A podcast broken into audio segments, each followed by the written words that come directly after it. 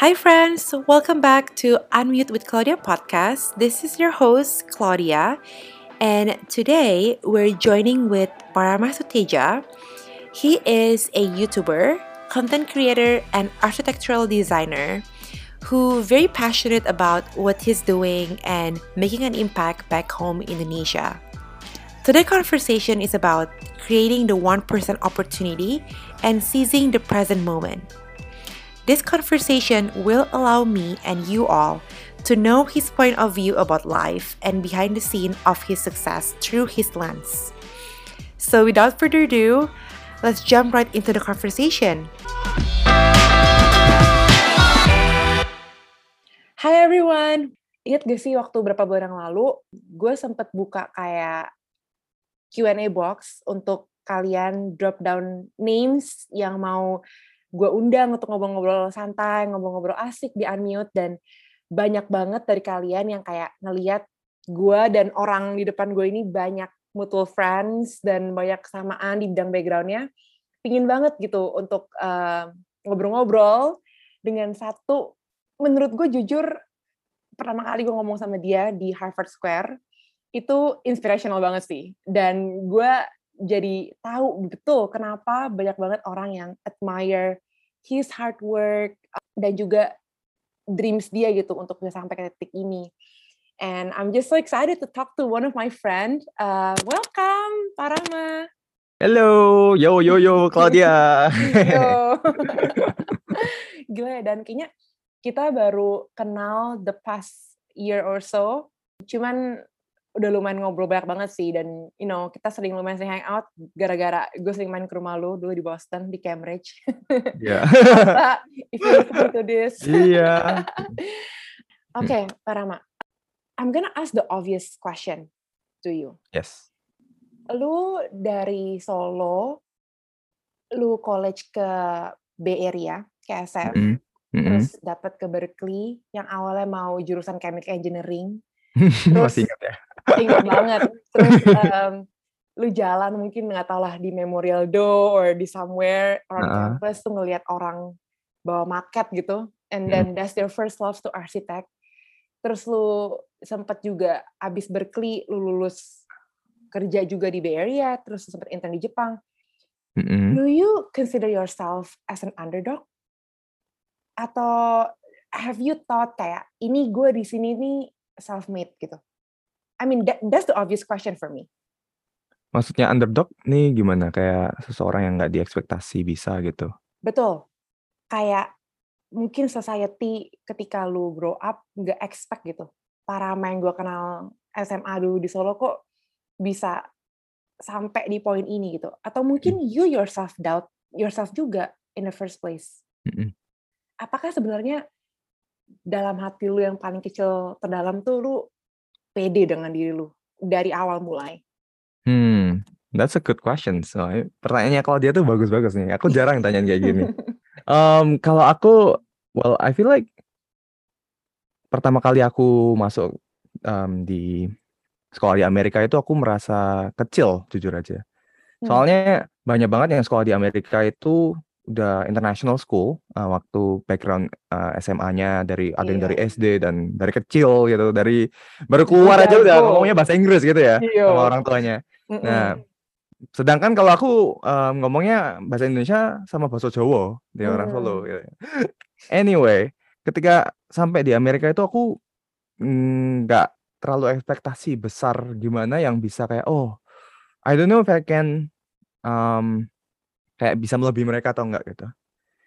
Nah, sampai suatu hari akhirnya aku tuh bertemu dengan beberapa kakak kelas aku yang juga memiliki background yang sama-sama seperti aku dari sekolah nasional yang dari kecil juga bukan yang ngomong bahasa Inggris gitu.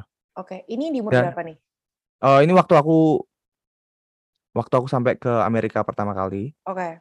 Nah, terus uh, sekitar di tahun pertama itu um, aku ngobrol sama mereka dan dari cerita mereka itu sangat inspirasional. Aku belajar bahwa bisa bahasa Inggris dari kecil tuh sebuah privilege dan hmm. walaupun kita mungkin nggak punya itu saat ini, jangan jadikan itu sebagai kita tuh batu stumbling block atau kayak batu sandungan yang membuat kita tuh nggak bisa bermimpi lebih jauh gitu tuh. Ya, setuju. Nah, semenjak dari itu, aku mulai jadi orang yang lebih optimis. Kayak, oh ternyata Hmm. nggak nggak bisa bahasa Inggris pun dari kecil tuh nggak ternyata bisa juga loh masuk Berkeley. Ternyata bisa loh dapat beasiswa. Enggak, Hmm. kelasku nyatanya juga bisa ada yang kerja di Apple, ada yang kerja di Google, ada yang kerja di perusahaan-perusahaan terbaik di Amerika gitu. Hmm, hmm. Dan dari situlah aku belajar, oke, em, aku aku mau belajar dari mentor-mentor ini. Nah, ini aku selalu biasa ingatkan ke eh, kayak follower aku, teman-teman yang sering dengerin em, konten aku. Kita Heeh. tuh penting banget teman-teman punya mentor karena daripada kita tuh mengalami jatuh bangun sendiri, lebih baik kita itu belajar dari banyak pengalaman orang lain. Karena Hmm. penting banget dari situ kita itu bisa mendapatkan eh, belajar dari pengalaman orang lain sebanyak-banyaknya. Karena kalau kita mengalami jatuh bangun sendiri em, akan lama banget gitu take the process gitu teman-teman. Setuju. And ya, anyway singkat cerita dari awalnya pertamanya underdog itu aku akhirnya aku menjadi jauh lebih optimis dan itulah yang membuat aku akhirnya semangat akhirnya daftar ke Hmm. sampai 11 universitas itu gitu. Wow. Nah, ketika lu masuk di Berkeley ini, let's flashback ya. Lu dari community college terus Mm-mm. masuk Berkeley gitu. Obviously kayak pasti pede lah. Wah, at least I am something. Um, more than average gitu kan. Hmm. I mean, jujur semua anak Berkeley yang gue ngomong, we we might feel that way sih, in some way of another Mm-mm. gitu.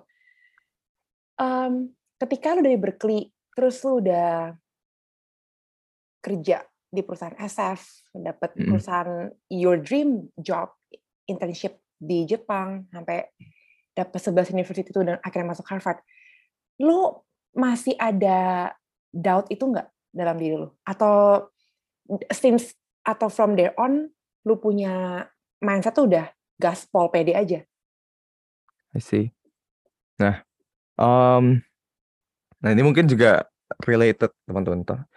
Jadi ada di dalam diri kita tuh biasanya ya, at least ada sedikit rasa imposter syndrome. Itu Mm-mm. Ini kalau buat teman yang belum tahu tuh imposter syndrome itu artinya seperti ketika kita tuh dilihat orang lain udah berada di atas, tapi Iya. di dalam diri kita sendiri pun sebenarnya kita tuh masih merasa kecil gitu.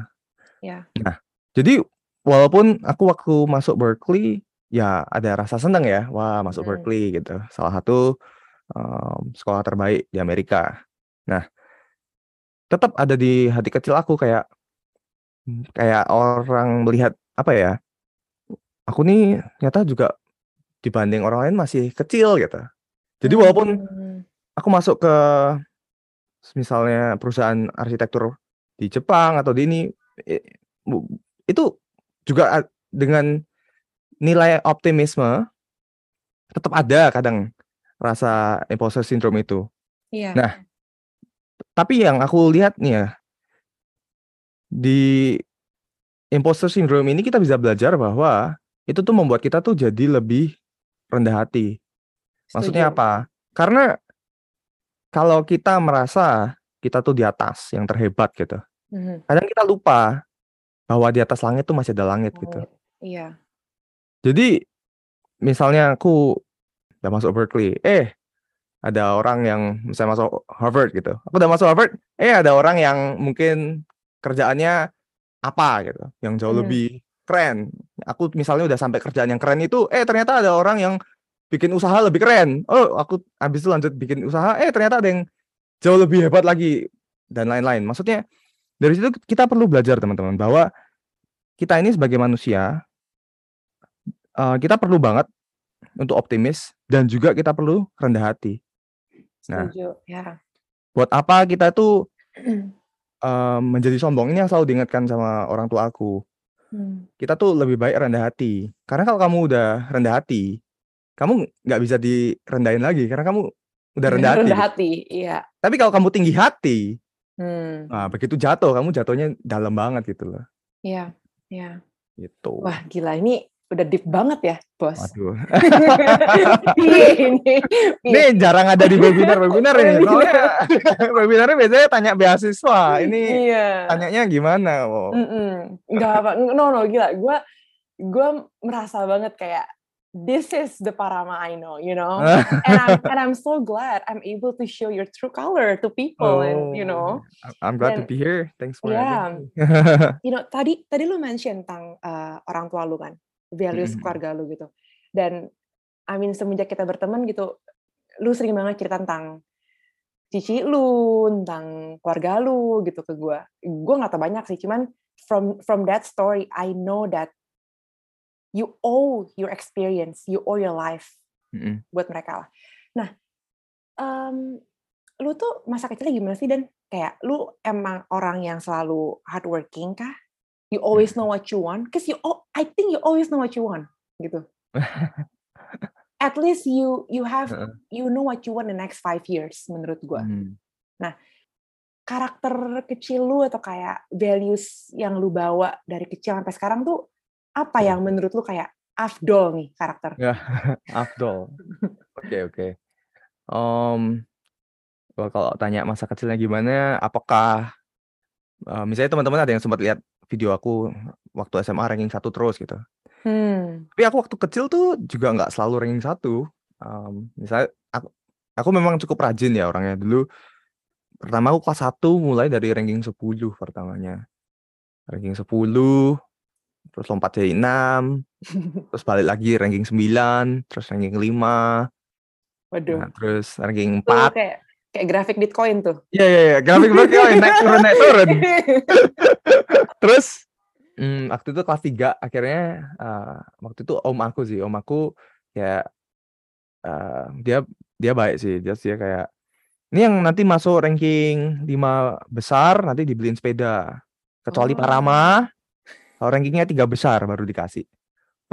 Oh. Nah, aku waktu itu nggak pernah ranking ranking tiga besar. Nah, tapi begitu aku di challenge itu, langsung aku belajar. Dan end aku ranking 2 waktu itu.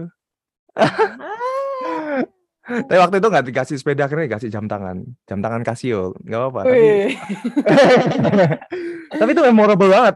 Semenjak itu aku mikir, oh ternyata aku bisa loh ranking 2. Aku bener-bener nggak pernah mikir aku bisa masuk ranking 3 besar.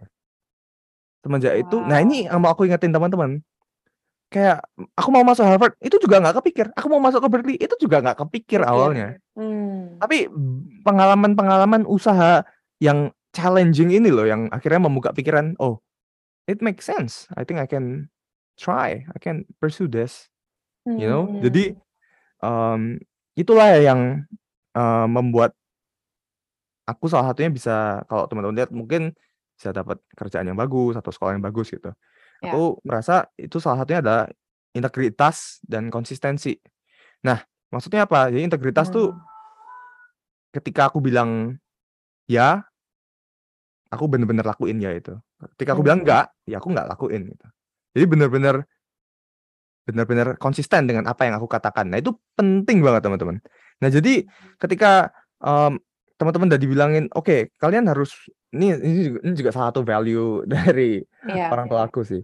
Jadi akhirnya oh ya semenjak kelas 3 itu akhirnya kelas 3 ranking 2, terus kelas 4, 5, 6 langsung ranking 1 1 1 1 1 2 1 gitu terus lah. Wih. Heeh. Em, dan seterusnya SMP juga sempat naik turun. Nah, terus SMA aku ceritanya kayak mau santai gitu. Hmm. Hari aku santai, terus aku ranking 2 dan aku waktu itu udah cukup bangga gitu. Wah, ini aku santai ranking 2 gitu. Hmm. Terus em, aku tunjukin ke mami aku, "Mi, mi, mi, aku ranking 2 loh," gitu. Terus Hmm. mami aku kayak, "Oh, kok cuma ranking 2?"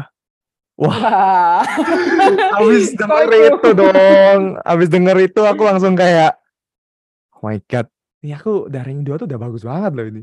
Mhm. Kayak misalnya kakak adik aku nggak digituin, kayak cuma aku doang gitu yang digituin. Jadi aku kayak lumayan panas gitu. Hmm. Anyway, semenjak itulah aku langsung kayak di merasa ter-challenge itu yang akhirnya Iya. aku berusaha eee, keras dan akhirnya semenjak kelas 1 semester 2 sampai aku lulus ranking 1 terus. Itu kalau nggak pernah gara-gara Hmm. satu kata mamiku itu ya aku nggak berubah. Dan mungkin waktu kamu dibilang itu bener-bener menyakitkan hati ya. It's a Tapi ya kamu ranking 2 blessing terus in dibilangin kayak. "Kok cuma ranking Iya. 2 nggak ranking 1?" gitu. Iya, Sakit kan? sakit banget. Cuma now that I realize realized it, my mom said that because my mom loves me and she knows my potential. Hmm. Like, oh, you can get number one. Why why do you Get the kayak second. slack off? Kayak Benar. kenapa kamu malas untuk nggak mau belajar Hmm. sampai kamu ini turun gitu loh nilainya. Ya dari situlah yang akhirnya membuat aku tuh kayak belajar untuk lebih menggali potensi diri. Nah itu penting Hmm. banget teman-teman. Aku di sini nggak bilang kita semua tuh ada ranking satu. Karena yang ranking satu ya cuma satu orang gitu kan. Iya. Tapi yang mau aku tekankan di sini adalah kita itu harus bisa dan mau menggali apa yang sudah ada di potensi diri kita. Kita harus cari tahu, oh, aku nih berpotensi untuk misalnya juara fotografi. Ya aku harus pursue itu gitu loh. Aku nih Hmm. berpotensi untuk menjadi misalnya em, penulis terkenal gitu misalnya. Ya, you pursue that dream gitu. Kamu pengen jadi apa? eh, accountant hebat. Pursue that. Kayak ini ini satu value. Ini kamu tanya value kan. Jadi Iya, iya. apa value-value keluarga aku. Nah, ini dari my grandma. My grandma itu bilang ke my mom, Hmm. kalau kita pegang sesuatu itu harus jadi yang nomor satu gitu. Itu Hmm. emang lumayan ekspektasi tinggi ya. Iya, Tapi iya. my mom tuh selalu bilang itu ke aku, adik-adik, adikku dan kakakku juga gitu. Hmm. Jadi tanpa tanpa disadari, ketika kita menjalani sesuatu hal, kita itu terpacu untuk oke, ketika aku memegang sesuatu, aku ingin jadi yang terbaik. Ini di, nomor satu tuh bukannya juara satu loh, cuma kayak I would give my best in Hmm. this. Yes, So, I for example, kamu ikut belajar renang, ya udah, you should be apa? You should try your best kayak dalam berenang. Misalnya kamu belajar main piano, ya kamu coba jadi yang terbaik dalam main piano. Kamu coba apa? Main drum gitu. Ya cobalah jadi yang Hmm. terbaik versi Jangan kamu dalam main drum gitu. Jangan Iya. setengah-setengah. Iya, iya. Nah, itu salah satu beberapa value yang tadi udah Wow. uh, keluarga aku tekankan. Mm-mm, mm-mm, mm-mm. Nah, thanks banget dan uh, Mm-mm. buat sharing itu. Dan apa ya? Tadi pas lu ngomong values val- values values tadi family lu gitu. Yes, itu menurut gue sangat solid buat set you on the on, on a right foot lah untuk lu go on with your life. Nah, tapi em, ini sih one thing yang gue notice dari lu ya ketika kita awal ketemu dan mungkin gue pernah ngomong ini sih ke lu secara lintas tapi mungkin lu lupa gue pernah ngomong ini ke lu waktu itu gue inget banget kita lagi malam-malam jalan ke GP Lakes nih ini btw teman-teman ini kesukaannya Parama ini Gibrex apa tuh? Tempat es krim. Wih. es krim nah Rasanya apa kesukaanku? ram Wih, Ram apa? Aku lupa ram. Aku nggak tahu nama exactly-nya ram apa. Ram, Ram Vanillai. Ram Ram- Raisin. Iya, ram Raisin. nah, intinya itu gue pernah ngomong gini ke lu kayak, gila ya Dan, lu tuh orangnya um, very opportunities. In a good way. Maksud gue, ketika gue ngomong lu itu opportunities tuh lebih kayak ke arah, lu melihat ada opportunity apa, padahal cuma dikit celaknya, tapi lu bener-bener tengok itu gitu loh lu gali opportunity itu padahal cuma dikit celahnya buat lo gitu and kayak waktu itu kita lagi ngebahas soal kayak um, lu dari yang profesional gitu kan Mm. lumayan tertutup with your life sekarang lu membuka kehidupan lu dan lu membagi kehidupan lu dengan um, followers lu gitu Mm-mm. ya kan dan lu melihat opportunity itu ada waktu itu Nah, Mm-mm. lu sendiri melihat gak bahwa lu sebagai orang yang opportunis ini kayak ah, gini deh pertanyaan gue how do you see opportunity ketika itu datang ke lu lu gimana cara taunya that's the right one for you or not? Nah ini satu pertanyaan yang mungkin banyak juga eh, kalau gue op- open Q&A banyak nih anak-anak yang masih college nanya itu ke gue gitu. Kita kan nggak boleh greedy with opportunity but how do we know whether that opportunity is for us datangnya dari yang di atas atau bukan gitu? Menurut lu gimana apakah cukup Oke. hanya dengerin kata hati Mm-mm. Um, that's a good question. Thank you. Thank you for that. Jadi aku melihat opportunity itu kayak kamu bilang tadi, wah para mau opportunist. notice kayak lihat ada celah kecil tapi bisa gali itu. Tapi Nih, ini that uh, in a gimana? good way ya? Yes, yes, Karena yes. ada, Um, benar. Mm, that's why I said thank you. mm. Um, Kamu bener, aku ngelihat banyak opportunity kecil dan aku mencoba menggali itu. Itu salah satu observasi yang bagus banget menurut aku. Um, nah, jadi aku, nah ini kalau aku jelasin ya teman-teman. Ketika kalian melihat sebuah opportunity yang kalian rasa tuh, aduh, nggak make sense, nggak mungkin. Kayak aku diterima di salah satu perusahaan terbaik arsitektur di Jepang. Itu juga kemungkinannya kecil banget gitu. Mhm. Itu kayak my dream uh, firm, company. Iya, Menang Pritzker Prize itu semacam kayak Nobel Prize arsitektur susah gitu maksudnya. iya. Nah, mungkin aku yang waktu S1 masih tingkat semester 1 kepikiran bakal bisa internship di situ. Gak Hmm. kebayang. Nah, ini salah satu ini, salah satu tips and tricks yang technical ya teman-teman. Em, satu pertama kalian tahu itu opportunity kalian atau enggak. Kalau kalian nggak pernah nyoba, satu kalian tidak akan pasti tidak akan mendapatkan itu. Make sense Hmm. gak? Betul. Setuju. Aku misalnya aku merasa aku kerja di Jepang sama perusahaan ini Shigeruban nggak mungkin lah. Aku nggak nyoba. The the chance of me getting to Shigeruban is 0%. Tidak Mhm. mungkin diterima. Tapi kalau tadi kalau dia bilang ada celah kecil, celah kecil berapa? Mungkin kecil ya satu persen dua persen, but it is still an opportunity. Betul. Nah, aku bener-bener gali satu persen dua persen itu teman-teman. Nah, dan aku mau Hmm. kasih tahu ke teman-teman, ketika kalian merasa ini opportunity ini kecil, kayak susah didapat, most likely 99% of the people would think that way. And that would make you, kalau kalian mikirnya Betul. untuk mengejar opportunity itu, kalian jangan jadi satu persen. Iya. Ngerti nggak? Iya.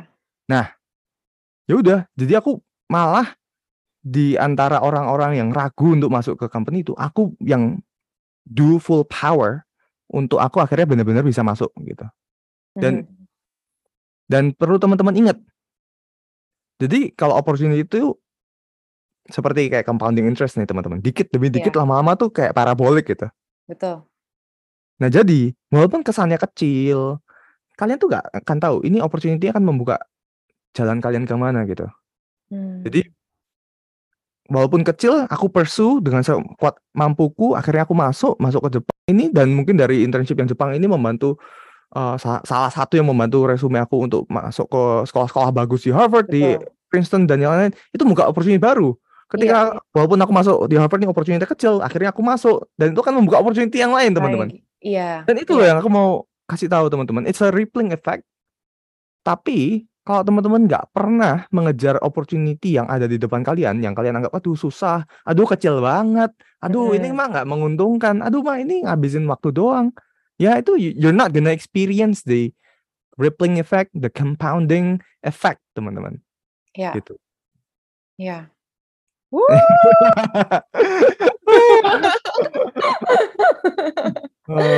Wow, wow, wow.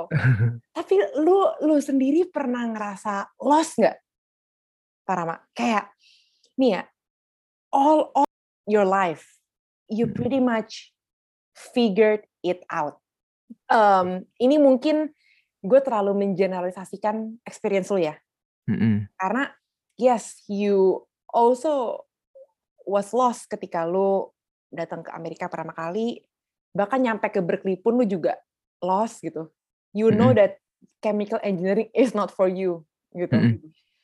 Uh, tapi kayaknya sehabis lu masuk ke industri arsitektur itu, ketika lu jadi masuk ke Berkeley arsitek, terus kerja arsitek, intern arsitek, masuk Harvard arsitek, it sounds to and and again, kenapa gue meng, kenapa menurut gue you always know what you want karena gini, lu tahu lu mau lu, lu mau S2 dan untuk daftar S2 you need to write apa yang ngomongnya ya, letter of interest kan.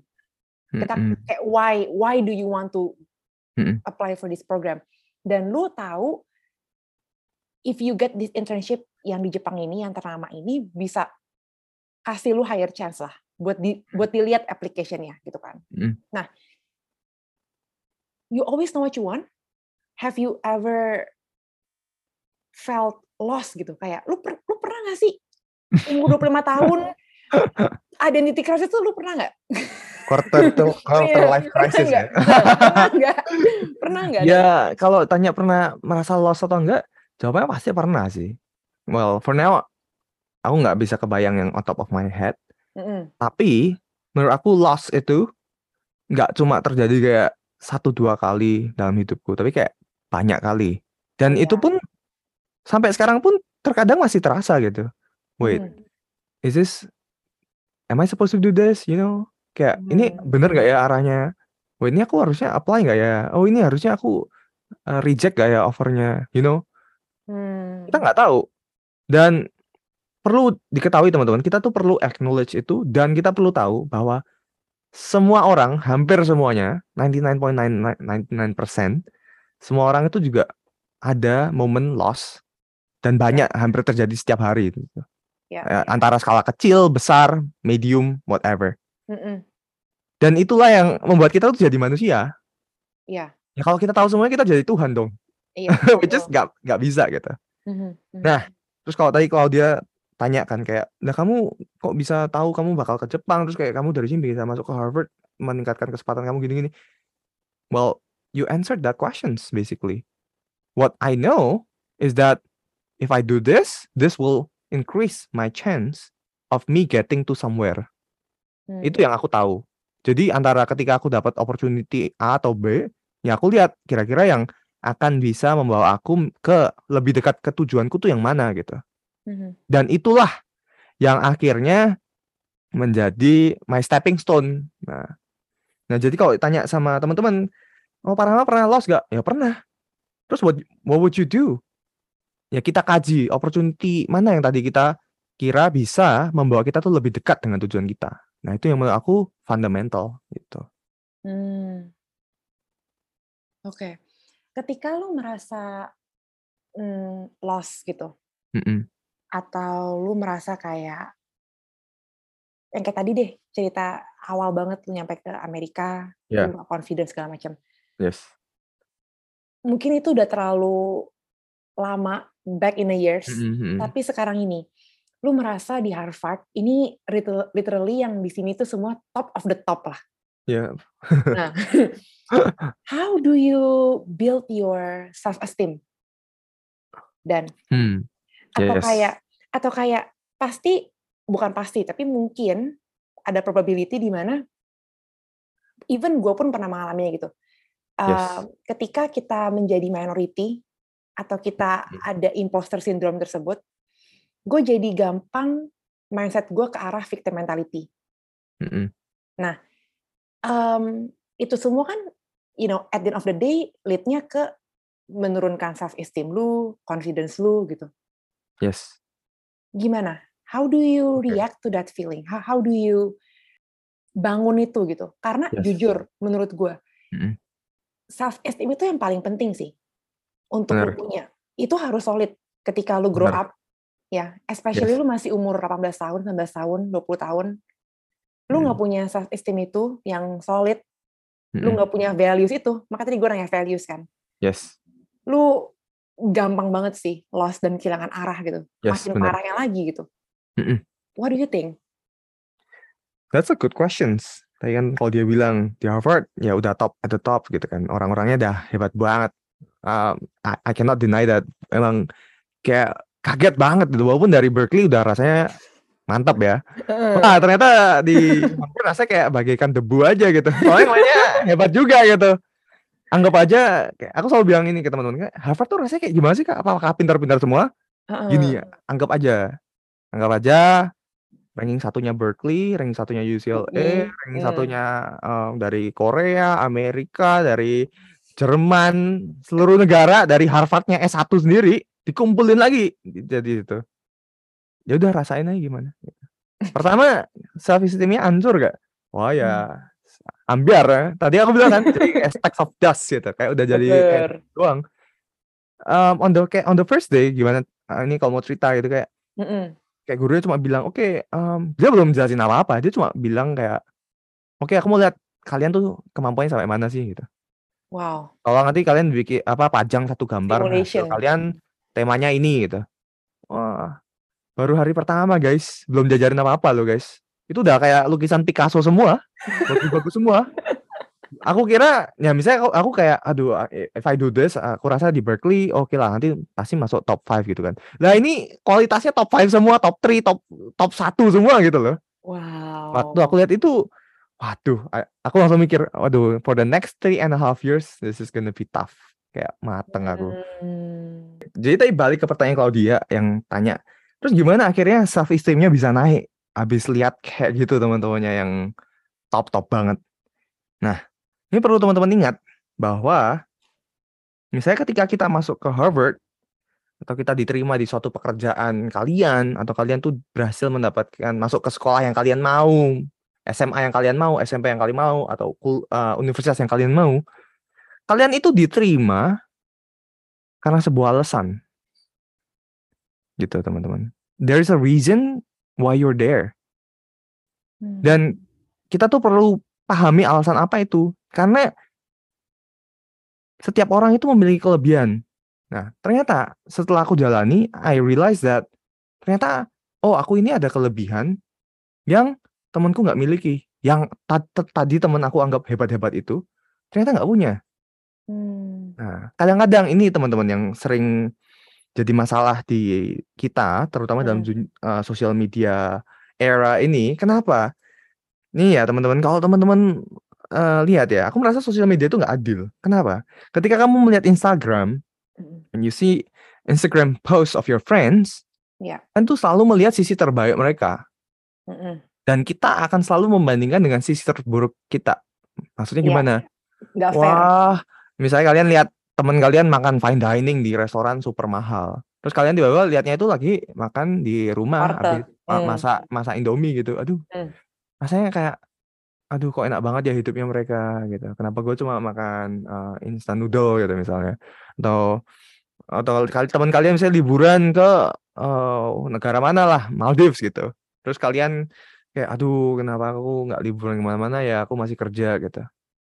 Nah, itu yang menurut aku nggak sehat. Karena kita tuh selalu membandingkan sisi terbaik orang dengan sisi terburuk kita.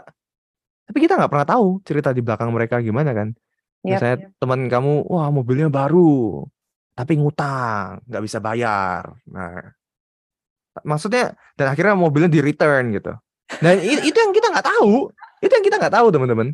Iya. Nah, jadi ketika aku di Harvard ini, itu juga sama kasusnya, walaupun itu bukan sosial media, tapi aku melihat, wah gila ini hebat banget nih orang-orang ini, dan aku nih kecil banget. Tapi aku nggak tahu ternyata mereka tuh tidak juga memiliki banyak hal yang, eee, aku punya gitu. Aku bisa Mmm. melaku menggunakan software ini dan mereka tidak tahu caranya. Ternyata aku bisa melakukan desain tipe ini lebih baik dari mereka, dan aku nggak tahu mereka tuh ternyata nggak bisa gitu. Aku rasa mereka bisa semua gitu. Ternyata enggak teman-teman. Nah, ini yang mau ingatkan ke teman-teman, ketika kamu, eee, merasa self esteem kamu tuh kayak kecil banget, kamu merasa kecil di suatu tempat gitu. Ingat, kalian tuh berada di suatu tempat itu karena sebuah alasan. Kalian tuh terpilih karena kalian tuh ada sesuatu hal yang bisa digunakan untuk contribute gitu. Ada satu hal yang lebih, ada poin plus yang di atas teman-teman kalian gitu. Kalau kita tidak pernah mengakui, mmm, kelebihan kita Mmm. kita pun pasti self esteem-nya akan di bawah terus gitu loh teman-teman. Iya iya. Nah, satu itu. Dan 2, kalau dari aku sih melihat kita tuh harus sel selalu bersyukur teman-teman. Kalau kita Mmm. Lihatnya ke atas terus, capek nggak sih? Apa Iya. sih istilahnya kalau lihatnya ke atas, lehernya pegel gitu. Nganga. Itu, jokes aside, tapi itu bener banget, eee, orang tua aku selalu ngingetin itu. Kadang kita lupa, kalau di bawah tuh lebih banyak lebih banyak orang lagi gitu. Kalian tuh Mhm. kayak Kak, tadi aku seperti bilang kan, di atas langit ada langit gitu. Mungkin kalian udah berada di langit level 3 gitu ya. Kalian, aduh ada orang di langit di le level 4, tapi kalian lupa di bawah langit tuh ma masih banyak orang yang di bawah kalian gitu. Masih Mmm. banyak orang yang nggak bisa makan gitu teman-teman. Masih banyak orang yang nggak mmm, kesulitan misalnya masuk ke sekolah atau gitu, atau dapat kerja atau apa. Jadi kalau kalian pun udah dapat kerja dan misalnya kalian walaupun misalnya di pekerjaan yang kalian nggak inginkan atau kalian tuh merasa kecil di antara teman-teman kalian, ingatlah kalian tuh, mmm, bagi manusia tetap harus bersyukur. Karena ketika kalian bersyukur itu, kalian juga udah nggak perlu bandingin dengan orang-orang lain gitu. Mhm, mhm. That's how I see. Wow. Yap yap, gue setuju banget sih. Gue setuju banget sama yang tadi lo bilang, mmm, soal self esteem ya. Kita Mhm. harus bisa mengakui bahwa kita juga punya kelebihan di sini loh, gitu. Mhm. Karena jujur even gue pribadi gitu, ketika gue masuk di company gue yang sekarang, gue mikir banget berkali-kali, "Kenapa sih ini orang terima gue?" Gitu. "Kenapa sih? Apa sih maksudnya?" Gitu. "Kenapa sih gue di sini?" Gitu. Mhm. And then not until a year later, Mhm. eee, mata gue dibukain gitu. Ternyata juga banyak ada beberapa hal-hal yang bos-bos gue yang pinter-pinter ini bisa lakuin, tapi juga ada beberapa yang yang benar kata tadi, mereka nggak nggak mahir di situ, tapi gue Mmm. come in dengan perspektif yang berbeda gitu dan gue bisa Ya. melakukan hal yang itu dan Yes. I think itu one thing sih yang, eee, menurut gue juga lumayan, apa ya, mentality anak di Indonesia tuh lumayan kasihan menurut gue karena mereka nggak bis nggak gitu bisa menerima komplimen dengan baik loh. Dan dan Mhm. maksud gue kalau mereka mendengar something, "Oh kamu Mmm. kamu pintar di bagian ini," tuh mereka nggak bisa acknowledge itu. Itu pengalaman gue sih. Ya. Gue melihatnya dan Mmm. I think you mention such a good point. Yes. Aku setuju banget. Itu yang kalau mungkin budaya kita kayak, "Aduh kamu pinter ya." "Enggak Iya. lah," gitu ya. "Kamu tuh ini ya, hebat ya." "Enggak lah." Kalian jadinya Biasa aja. komplimennya di-reject semua gitu ya. Padahal Mmm. kalau aku aku sempet gitu, mmm, Mhm. aku pun kadang-kadang juga keceplosan atau apa gitu. Cuma aku belajar bahwa ketika kalian tuh dikomplimen orang, just say thank you. Iya. Karena satu, dari situ kalian belajar untuk menghargai diri kalian. Kedua, Mmm. ketika kalian me kayak bilang, "No, enggak lah," gitu, itu kalian juga pe pendapat orang lain, which is Iya iya. kadang bisa melukai hati orang lain. Iya iya. Jadi ketika aku dipuji orang atau ini, tetap aku sekarang belajar bilang kayak, "Thank you," gitu. Mmm. Mmm. Wow wow. Oke dan I think we've we've talked a lot about you as a person. Hopefully semua follower kamu jadi lebih ngerti lah, "Oh ini Parama nih, Koko Parama ini." Ah. Nah, mmm, sekarang I wanna know a bit of your vision gitu. Lu sekarang in the stage of life yang di mana you still have 2 more years sampai 1 and half. selesai iya, 1 and a half Yep. untuk kalau dari dari Harvard. Berkeley lagi ngomongnya, aduh. Iya, balik lagi. Soalnya 4, 5, 6, 7 tahun nanti. Nggak barbar. Whistler forever.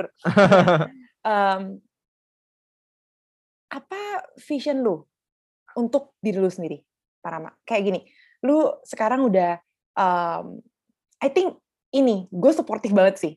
Gue punya temen cowok yang berani to put himself out there. Itu gue high respect banget. Mmm. Dan dengan motif dengan motif lu, lu mau memba membantu gitu loh, membantu teman-teman yang curious about beasiswa, curious about sekolah di Amerika seperti apa, environment seperti apa, gitu. Nah, sekarang fokus lu di mana nih? Oke. Mmm, kalau dari mmm, that's a good questions. Aku dulu mikirnya sebelum aku jadi content creator gitu, aku sempet mikirnya kayak, content oh creator.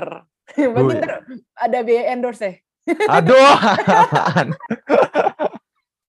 Anyway, mmm aku belajar aku dulu pertama ya, sebelum jadi content creator, aku pengennya tuh jadi kayak arsitek sukses gitu.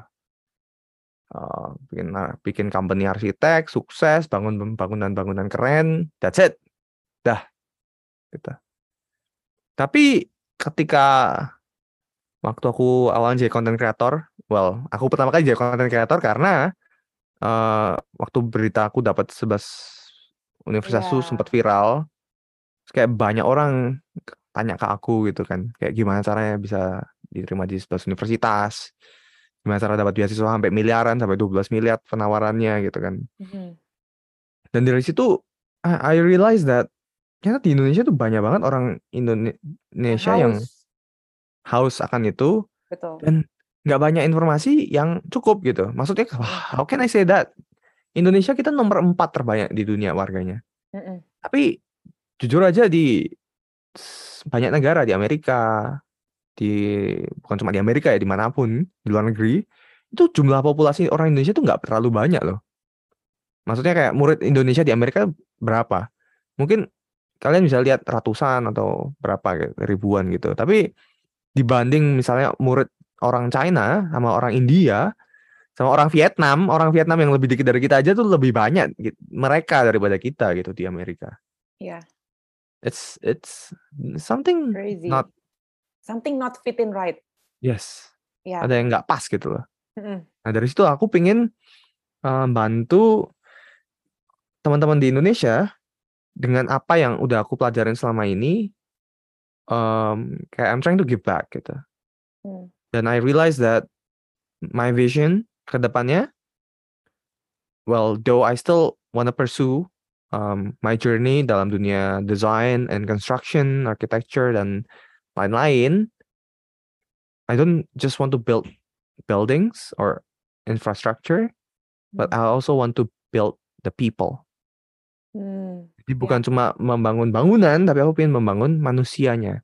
Iya. Itu dengan cara apa? Ya ini salah satunya langkah kecil aku mulai misalnya dari content creator, sharing-sharing ke teman-teman, Mhm. uh, bikin konten-konten edukatif, uh, dan aku harap ke depannya um, ini pun bisa membuat community yang lebih besar lagi dan Iya. memberikan dampak yang lebih besar lagi untuk Indonesia, baik dari segi education dan juga misalnya kalau dalam dunia architecture yang aku mau pursue juga bisa lebih besar lagi gitu.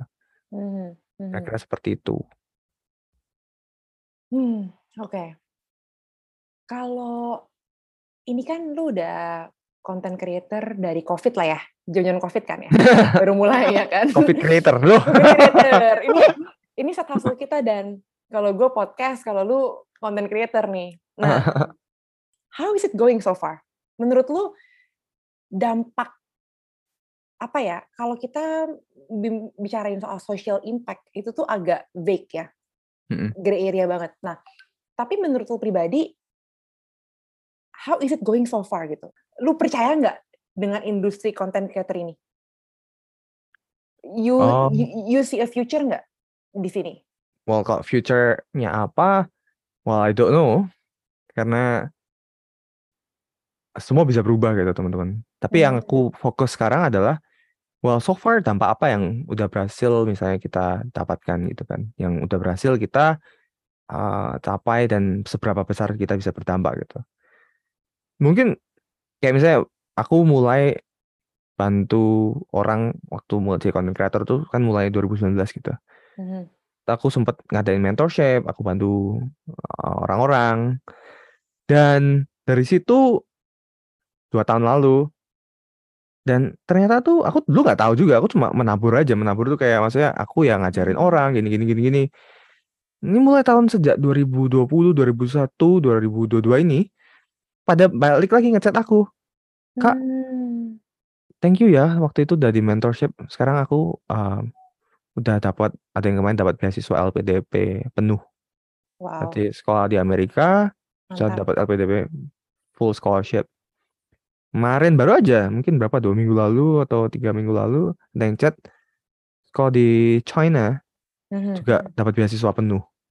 Wow, Ada amazing. yang diterima sekolah di Belanda, ada yang di terima di sekolah di Cornell University, Wow, ada juga Ivy testimoninya League. banyak lah. Dan Mhm. itu itu kalian tuh jujur aja kalau ditanya Claudia, oh dampaknya apa gitu. Mungkin kalian nggak lihat sekarang gitu kan. Tapi percayalah apa pun yang kita lakukan kalau tujuannya baik dan niatnya baik, suatu hari ya akan memberikan dampak gitu teman-teman. Mhm. Tanpa kita perlu memikirkan dampaknya itu apa gitu. Betul. Mereka itu Menabur. literally mereka datang sendiri dan chat sendiri gitu. Thank you. Thank you kok waktu itu tadi mentorship. It really helped me uh, kayak open my mind bla bla bla gitu. Menabur dan menuai ya. Yes. Wow. Oke. Dari situ pun aku jadi terharu gitu kayak dengarnya. Wah, Hmm. ternyata apa yang kita uh, berikan itu bisa berdampak besar loh buat orang lain. Mungkin kalau buat aku kayak oh oke lah ini aku mentorship beberapa jam gitu. Tapi buat Mhm. mereka tuh mengubah hidup sampai ke belakang gitu loh. Sampai, wah akhirnya bisa dapat ini beasiswa kayak gini membantu orang tua itu it means a lot, you know. So Hmm. um, kalau aku sih lebih sekarang fokusnya bukan kayak angka gitu, kayak seberapa banyak kita view-nya video gini gini gini, bukan. Tapi lebih ke seberapa baik dan seberapa um, dampak yang bisa kita berikan ke orang lain. Itu menurut aku yang lebih penting gitu. Hmm. What's your end goal? Untuk sekarang ini deh, nggak usah ngomong jauh-jauh gitu. Apa, what is the next dream that you're trying to unlock? Hmm. Oh, Apa that's nih? hard. Kan ini That's kan, you know, you you always, you know, I mean, our life is a marathon, bukan a spirit run, ya kan? Yeah. Nah, we always chasing something of what's Mm-mm. next. Nih, eh, you intern sekarang pasti ada something dong yang you working towards tuh. Yes. So what's what's the next thing yang you're trying to unlock gitu? Mm-mm. Mungkin bagi orang-orang, even myself included, Yeah. kalau ngelihat portfolio sih kayak gila lu tuh udah top of the world bro, udah di Harvard gitu. Nih apalagi the next unlock thing yang lu bisa achieve gitu? Apalagi yang yang, yang lu mau achieve dan I think I know answernya untuk para mas sendiri banyak masih banyak banget gitu. I think I think Harvard is the beginning Yeah. yang membukakan opportunity lu gitu Mm-mm. it, it literally membuka opportunity lu Mm-mm. kalau lu nggak masuk ke Harvard lu nggak akan kepikiran bisa bantu Yeah. anak-anak Indonesia dalam hal edukasi dalam bidang scholarship gitu Yes. Nggak ada Right, right. juga mungkin. Aduh. gitu Ya. kan nih Um, what what keeps you going yeah, yeah, yeah. That's a that's a tough question. Well, at the end of the day, Hmm. apa ya? Um, aku mikir kan mulu-mulu kayak, oh, pengen jadi pengusaha sukses, pengen Hmm. ini itu ini itu, um, bisa beli apa pun gitu misalnya. Mm-mm. Tapi ternyata which is normal this is normal. Semua orang pengen hidup berkecukupan gitu kan. Iya. Um, tapi at the end of the day, kalau kalian jadi orang yang hebat, sukses, tapi sakit-sakitan, nggak bahagia, Hmm, it means nothing. iya. Um, ada funny story waktu itu aku waktu habis COVID vaksin tambah vaksin flu. Nah itu don't try this at home ya guys. Rasanya guys, Aduh. itu menggigil, pusing sampai kayak setengah mati gitu. um, kayak mau mati gitu rasanya guys. itu, itu agak alay, tapi that's true. At least for me ya. Heeh. Dan at, at that point aku sendirian kayak di kamar aku menggigil ini di Boston nih. di Boston. Jadi nggak ada Jakarta. nggak ada waktu itu nggak tahu Arta lagi di luar gitu atau lagi Ah. pergi gitu. Jadi aku bener-bener ngerasa sendiri. Aku walaupun misalnya udah kalian misalnya kalian merasa sukses, udah masuk Harvard, udah masuk dapat pekerjaan ini, ketika kalian sakit, ketika kalian nggak bisa apa-apa, aku bener-bener nggak bisa apa-apa, bangun aja nggak bisa itu. Itu Waduh. apa pun kesuksesan, kekayaan yang kalian miliki itu atau kalian terkenal apa pun, itu nggak berarti apa-apa guys. Hmm. Jadi terus apa gitu yang berarti? It's your legacy. Apa yang kalian tinggalkan di dunia ini gitu. Ya. Jadi kalau aku sebagai manusia sekarang oh itu benar-benar dari situ aku mau bela- belajar sih. Kayak untuk mensyukuri hidup ini Hmm. dan bukan cuma eh, mengejar kayak kesuksesan dunia. Karena kesuksesan dunia pun it means nothing gitu. At the end of the Hmm, day, hmm. it's apa ya fana. Dari situ aku belajar kalau kita tuh lebih berfokus untuk berdampak sebesar-besarnya ke orang lain. That's Ya. it. Dan at the end of the day, I just wanna be a happy person. Mhm. Orang yang uh, bisa bersyukur, uh, bisa bahagia, um, membuat orang lain juga bahagia, because Mhm. that makes me even more kayak happier juga. Happier. Mhm. And I think that's enough. Mhm. Itu sih kalau aku. Waduh. Kayak stoikisme deep banget nih nih kayak Aristoteles gitu.